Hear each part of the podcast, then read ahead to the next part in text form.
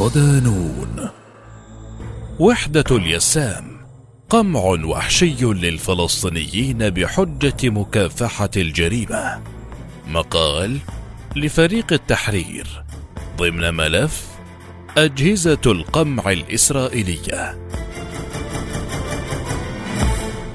يعيش المقدسيون وأهالي الداخل المحتل ظروفا معيشية قاهرة فلا يستطيعون التنقل بحرية أو التعليم أو الدراسة فهم محاطون بعناصر من الشرطة الإسرائيلية والوحدات الخاصة المرافقة لها يقمعون تحركاتهم أينما كانوا حتى في أماكن عبادتهم.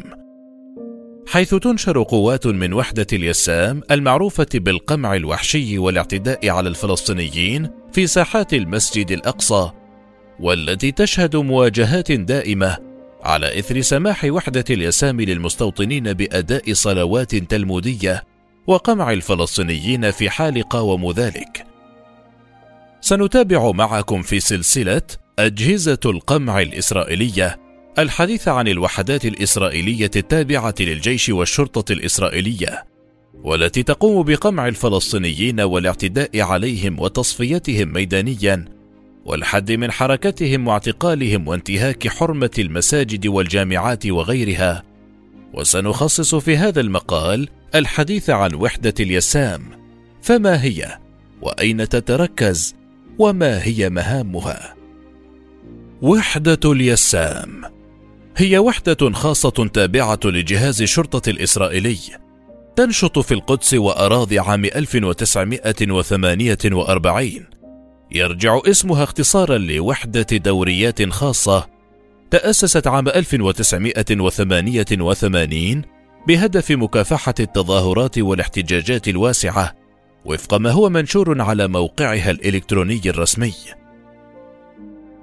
تتكون هذه الوحدة من خريجي الوحدات القتالية المتعددة في جيش الاحتلال الإسرائيلي.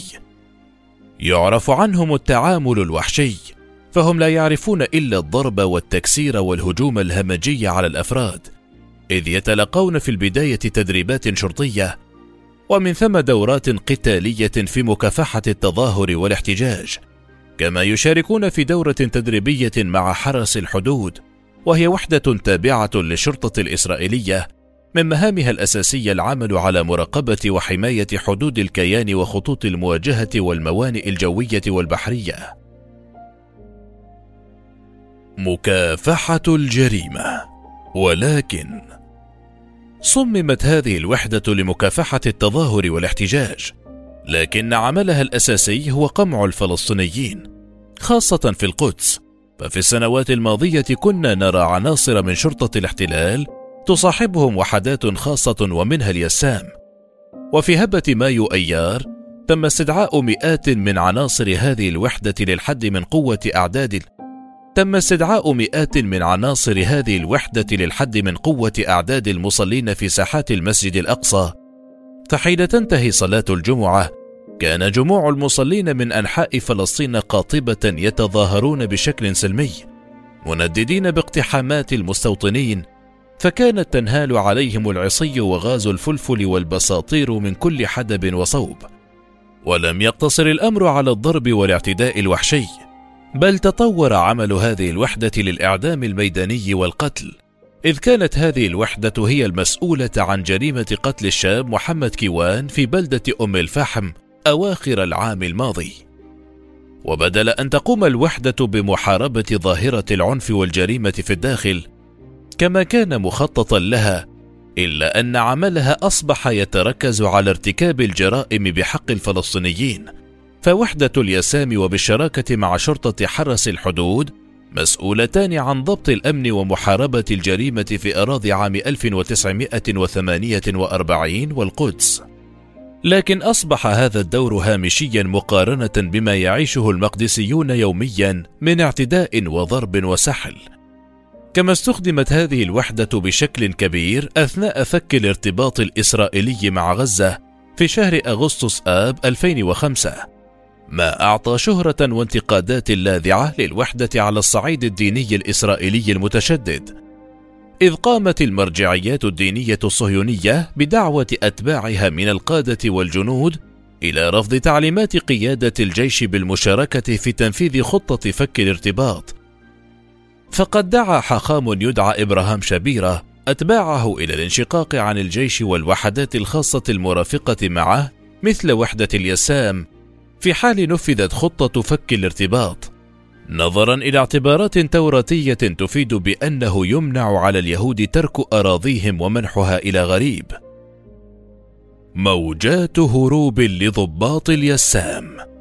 كشف تقرير صحفي إسرائيلي في الشهور الماضية النقاب عن موجة هروب كبيرة لضباط وجنود من وحدة اليسام الخاصة التابعة لشرطة الاحتلال.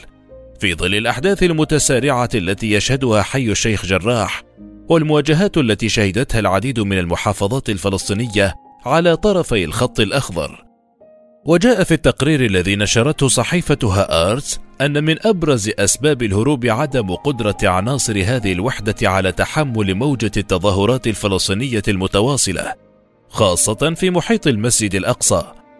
فوجودهم في هذه الأماكن الحساسة على حد تعبيرهم جعلهم عرضة لمخاطر كبيرة، وأظهر التقرير أنه من بين كل خمسة أفراد في وحدة اليسام هناك فرد واحد على الأقل يطالب بترك هذه الوحدة إما بالاستقالة منها وإما بالانتقال إلى وحدة أخرى.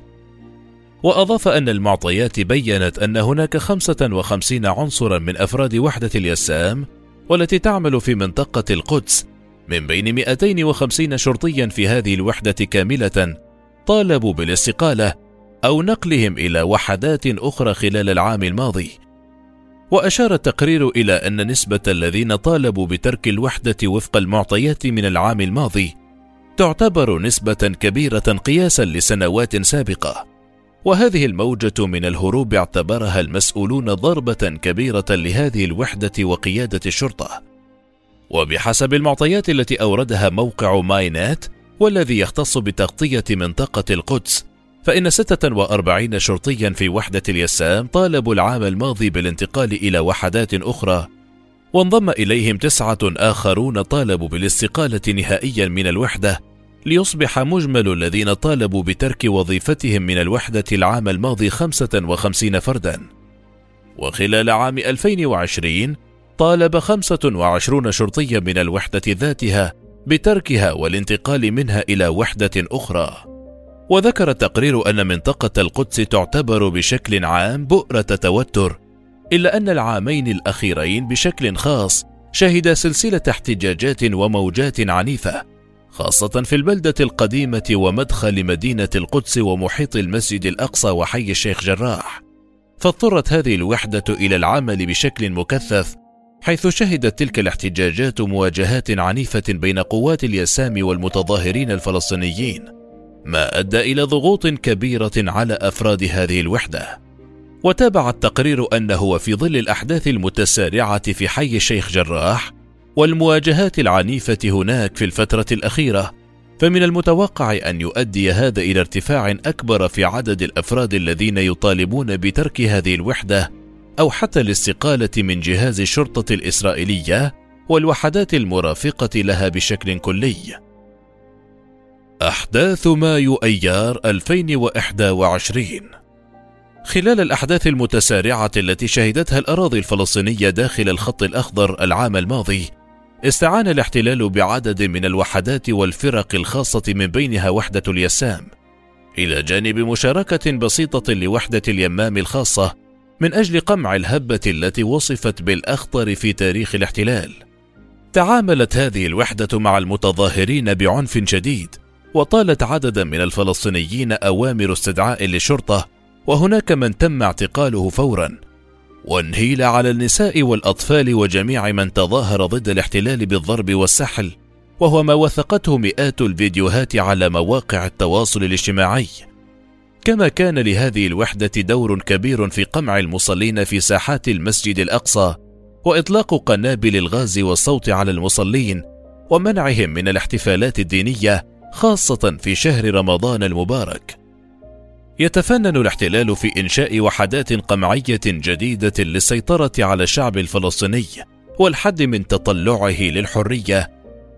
فهذه الوحدات المرافقة لجيش الاحتلال تمارس غطرستها وبطشها على الشعب الضعيف الأعزل، خاصة أنها مدربة على أحدث الوسائل القمعية في محاولة منهم لكسر عزيمة وصمود الشعب الفلسطيني في كامل أماكن تواجده.